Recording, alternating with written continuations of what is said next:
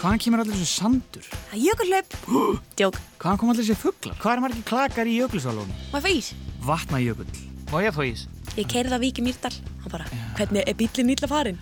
Við höfum að passa okkur á reynisfjöru. Hvar eru við núna? Akkur heitir Katla Katla? Eru ekki verið að komin? Komiði sæl og verið velkomin í fjölskyldu og ferðaþáttin Hvar erum við núna? Í þessum þáttum förum við yfir holt og hæðir og skoðum landið frá öllum mögulegum hliðum. Við fræðumst um hvern landsluta með aðstóð ungra ferðasérfræðinga og heimamanna, förum í skemmtilega bílaleiki, hlustum á þjóðsugur sem gerast í hverjum landsluta fyrir sig og endum á æsispennandi spurningakeppni fyrir alla fjölskylduna. Ég heiti Jóhannes. Og ég heiti Ingibjörg. Ingibjörg, hvar erum við núna? Við erum á Suðausturlandi. Hér er náttúrann mjög lifandi og allt getur breyst á auga bræði. Hvernig þá? Jú stundum verða eldgós undir jöklunum og þá kemur jökulvatn æðandi niður af jöklunum og riður sér leið út í sjó. Þá er nú gott að vera viðbúin að forða sér. Það verðist nú allt vera með kyrrum kjörum hérna núna samt. Já, þess að betur fyrir eru við með almannavarnir og alls konar eftirlit og sérfræðinga sem að láta vita í tækatíð ef eitthvað gerist. Einmitt. Sjáðu, hann er vatnajökull, stæsti jökull í Európu. Já, vá, hvað hann er stór. En hvað er hægt að sjá og gera hérna? Við skulum heyra í heimamönnum og sérfræðingum þáttarins. Það eru Ég heiti Elin Ósk Og ég heiti Ítna Mekkin. og við erum frængur og komum frá Hotnaferði sem er á Suðausturlandi. Það besta við að búa hotnafyrði er að maður getur lappa og hjóla hvert sem maður vil fara. Á sumrin eru margir góðir staðir til að synda og vaða, tína sveppi og ber og finna flotta steina. Við erum báðar í hestum og förum í útræðitúra á vorin og sumrin.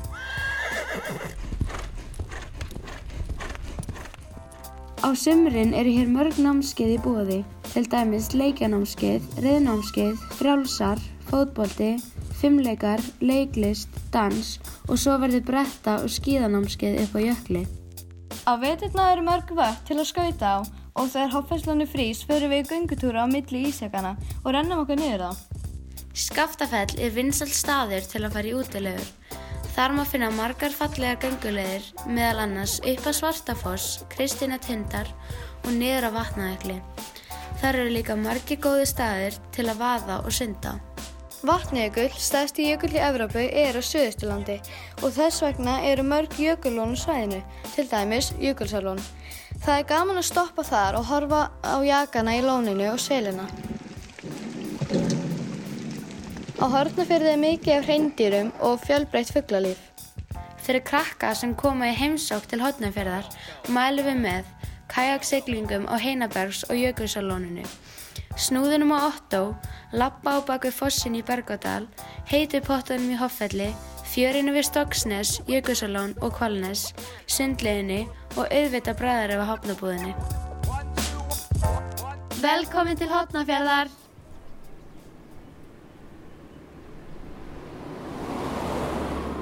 Ingibjörg. Já.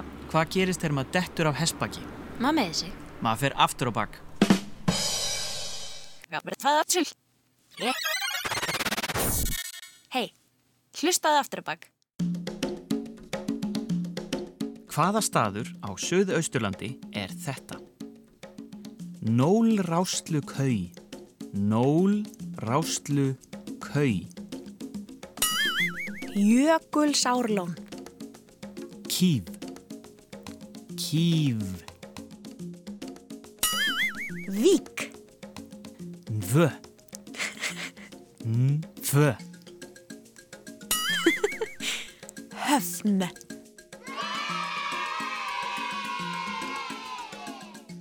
Mér langar að heyra sögu núna, Ingibjörg. Mm. Kannt ykkur að sögu sem gerist á Suðausturlandi? Að sjálfsögðu. Ég kann ekki bara eina, ég kann tvær. Mm. Eldmessan á kirkjubæjarklaustri. Á Suðurland eru margir staðir sem hafa orðið fyrir áhrifum af eldgósum og jökulhlaupum en það eru mjög mörg virk eldfjöld á svæðinu. Það sést best á víðáttu miklum hraunbreiðum og tómlegum söndum sem tegja sér langt í buskan en það æða jökulár fram yfir sandana og riðja öllu út í sjó þegar gís í jöklunum í kring. Eitt frægasta eldgós Íslands sögunar varði í Laka sem er gígaröð upp á hálendinu fyrir ofan kirkjubæklaustur. Þetta gerðist fyrir 237 árum. Á kvítasunum dag árið 1783 hófst þetta óurlega gós.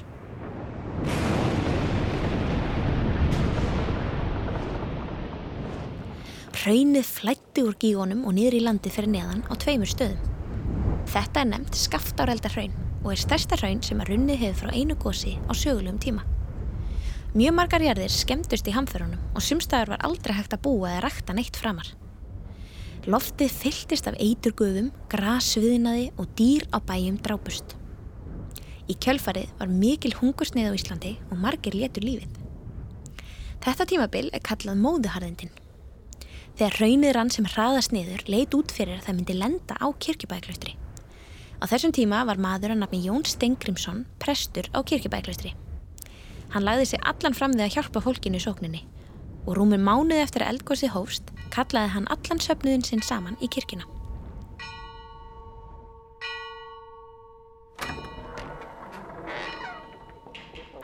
Hann held messu og bað heitt og innilega um að Guð síndi miskun og stöðvaði eldhungurnar og raunið sem ætti áfram í áttað kirkjunni á meðan messan var í gangi.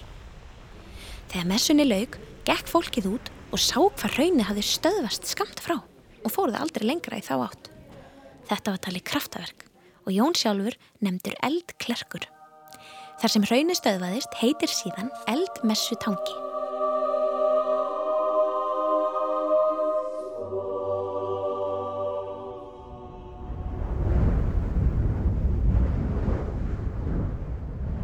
Katla í Kötlugjá. Það er annað eldfjall sem lætur reglulega á sig kræla á þessu sama svæði. Sú eldstöð heitir Katla og er undir Myrdalsjökli. Gósinn frá þessari miklu eldstöð hafa orðið á 40-80 ára fresti síðustu aldir. Þegar land byggðist, virðist Katla hafa verið róleg vegna þess að fólk byggði sér bæi og ræktaði tún beint fyrir neðanana grunnlaust um hvað gæti gerst. Svo kom upplögt gós árið 1311 og þá bráðunnaði ísinn skindilega undan elgósunu og vatn flætti af miklum krafti niður og út í sjó. Það kallast jökulhlaup. Jökulhlaupið reyf með sér bæina sem höfðu verið reistir og allir fórust nema tveir. Það var maður að nafni Sturla og barnið hans. Sturla var á leiðinni heim að bænum sínum þegar hann sá jökulvatnið æða stjórnlust í áttabænum. Hann greip barnið sem stóði í dýrónum og náði að stökku upp á ísjaka sem flöyt framhjá og þau ráku út á sjó á ísjakanum þar til þeim var komið til bjargar. Þjóðsagan sem við heyrum núna segir okkur hvernig eldstöðin Katla fekk það nafn. Einu sinni voru munkar í þykvabæjar klaustri í Altaveri. Þar var matselja sem hétt Katla en hún var frekar fyrðuleg kona, fornaskjuleg og átti buksur sem fylgdu þeir galdrar að hver sem þeim klættist er þið aldrei þreyttur á hlaupum. Katla passaði vel upp á buksunar og leiði engum öðrum að nota þér. Flestir í klausturinu voru hrættur við hana og þar með talinn smala drengur sem hétt Barði. Hann var sérstaklega hrættur við hana ef hann náði ekki að smala hverju einustu kind heimað bænum því þá heldi Katla sér yfir hann. Eitt sinn fór ábótinn en það var yfir munkurinn í klaustrinu, í vestlu og matseljan Katla fór með. Barði átt að vera búin að reka heim allt fjöð þegar þau kemur heim. Smaladrengurinn fann ekki allt fjöð, svo hann brá á það ráð að taka buksur köllu og hlaupa út um allar koppagrundir og finna fjöð. Þegar Katla kom heim fann hún á sér að eitthvað væri ekki með fældu og komst að því að Barði hefði tekið buksunar. Hún var ákaflega reið, tók barða og kæfði hann í sírukeri sem stóði aðaldýrunum.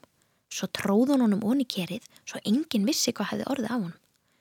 Þegar leiðaveturinn fór að rótna í kerinu og fólk heyrði köllu muldra fyrir sér. Senn brittir á barða. En það þýðir eiginlega bara senn mun barði koma í ljós eða bráðum fer að sjást í barða. Þegar lítið var eftir í sírukerinu sá Katla brátt myndu komast upp um mannvonsku hennar og henni er þið refsað fórum þá í brókina, hljóp út á klustrinu og norðvestur til jökulsins. Þar steift hún sér ofan í gjá eina og sást aldrei framar. Stuttu síðar kom hlaup úr jöklunum og stemdi í átta áltaveri og klustrinu í þykvabæ. Við þetta hlaup komst á svo trú að þarna veri katlaði verki. Gjáin hefur alla tíð síðan heitið Kötlugjá og eldstöðin undir Mýrdalsjökli Katla. Hvenar ætli Katla taki næsta reyðikast?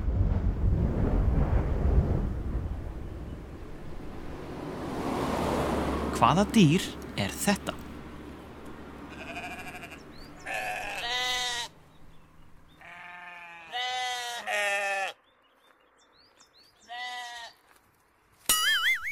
Þetta voru kindur eða rollur.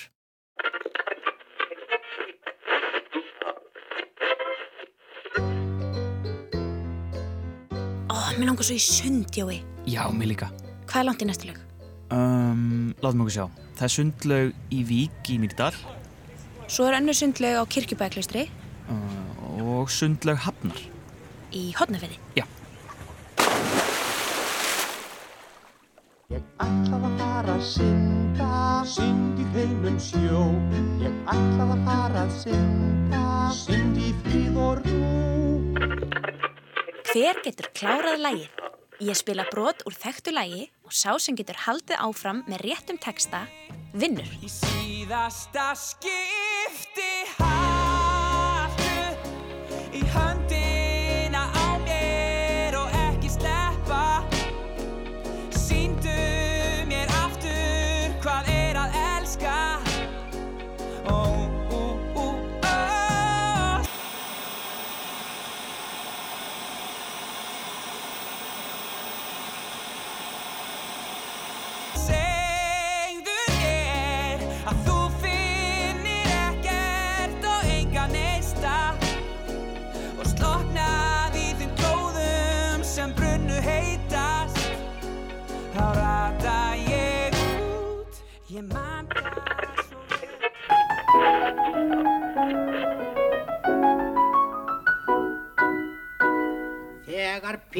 Kökur bakast köku gerðar maður tekur fyrst af öllu steikar pottin og eitt kíló margarín.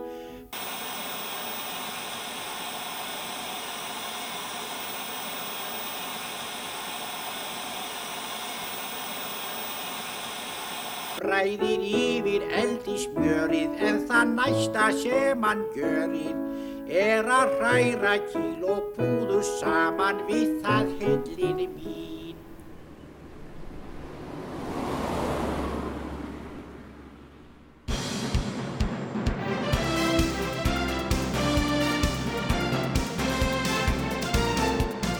Velkomin í spurningakeppnina Hver er með svarið? Við heyrum nokkra spurningar um landsvæði þáttarins og hvert rétt svar gefur eitt stig. Sá sem fyrstur kallar réttasvarið fær stíð. Og við byrjum núna!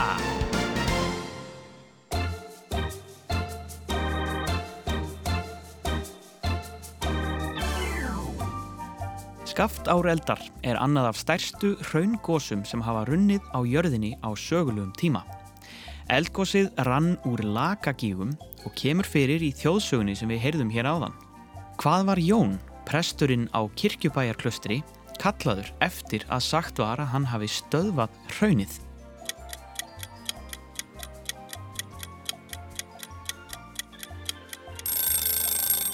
Jón Eldklerkur Rétt hjá Vík í Mýrdal er fræg fjara sem margir ferðamenn vilja heimsækja. Það getur verið mjög hættulegt að leika sér í flæðarmálinu því öldurnar geta hrifsað mann og dreyið út á sjó. Hvað heitir þessi fjara?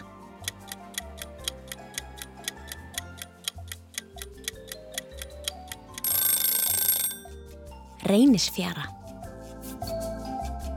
Höfn í Hortnafyrði er mjög fræg fyrir ákveðið sjáarfang sem sjómenn veiða í kringum bæin. Á hverju ári er haldin risastór bæjarháttíð sem er tilenguð þessu dýri. Hvað veiða sjómenn á höfn helst?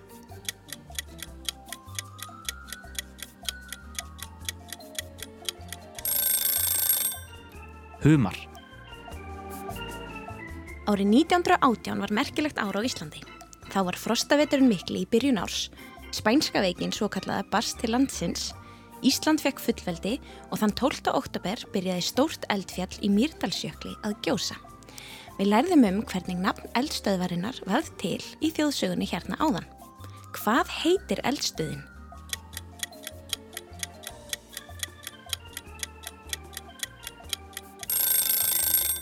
Katla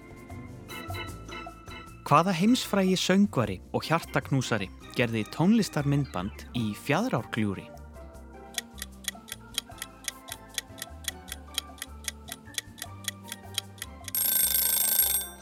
Justin Bieber. Sólheimasandur er risastórt sandflæmi sem er fyrir neðan Mýrdalsjökul. Þar er hægt að ganga eftir auðum sandinum og í átt að sjó þar til maður rekst á farartæki sem ætti alls ekki að vera þar. Hvaða farartæki er það?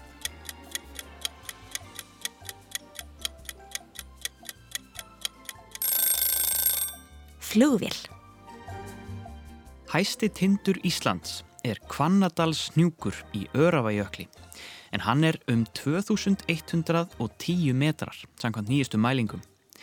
Þessi hái tindur er hluti af enn starri jökli sem er ekki bara stærsti jökull á Íslandi heldur í allri Evrópu.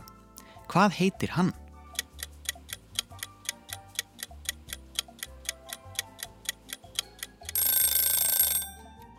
Vatnajökull. Á Mýrdalsandi er höfði eða eins konar eiga sem er umlökin sandi. Hann heitir eftir landnámsmanni sem kom hinga til lands með Ingólfi Arnarsinni. Þessi landnámsmaður var drepinn af eigin þrælum og er sagður vera grafinn á toppi höfðans. Hvað heitir höfðin?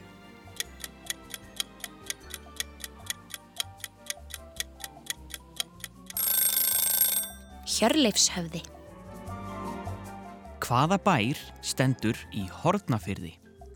Vísbending, nafn bæjarins er svona aftur á bakk. Nfö. Nfö.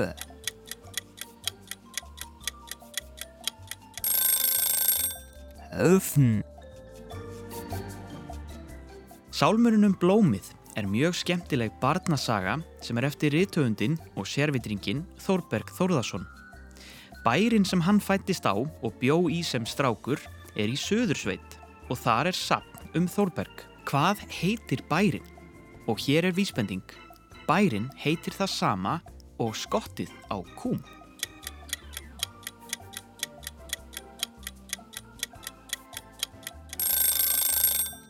Hali. Undir breyðamerkurjökli, sem er hluti af vatnajökli, er einn þekktasti ferðamannastæður landsins. Þar er stórt vatn eða lón og í því fljóta risastór klakabrót úr jöklinum. Hvað heitir lónið?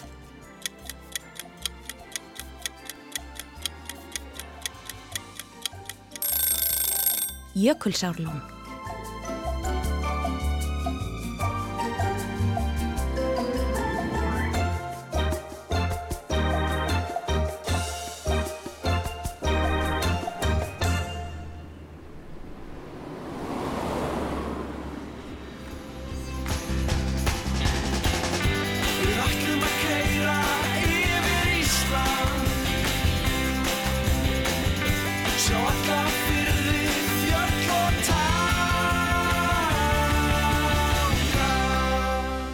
Kveðjum við Suðausturland og höldum áfram hringin.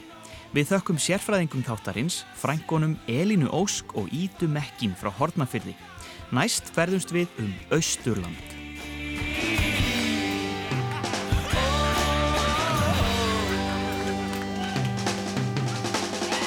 Jói, tökum eitt góðan bílalegg á meðan við þræðum fyrðinin á Ísland. Ég held að allar aldrei að segja þetta. Ég meir að flokkaleikurinn.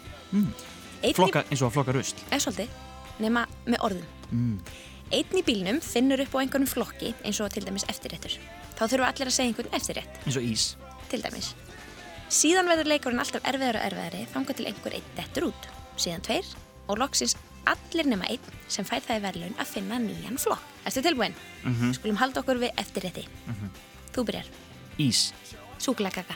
Uh, Krembrúlei. Ostaplatti. Uh, Ó, ég tapaði.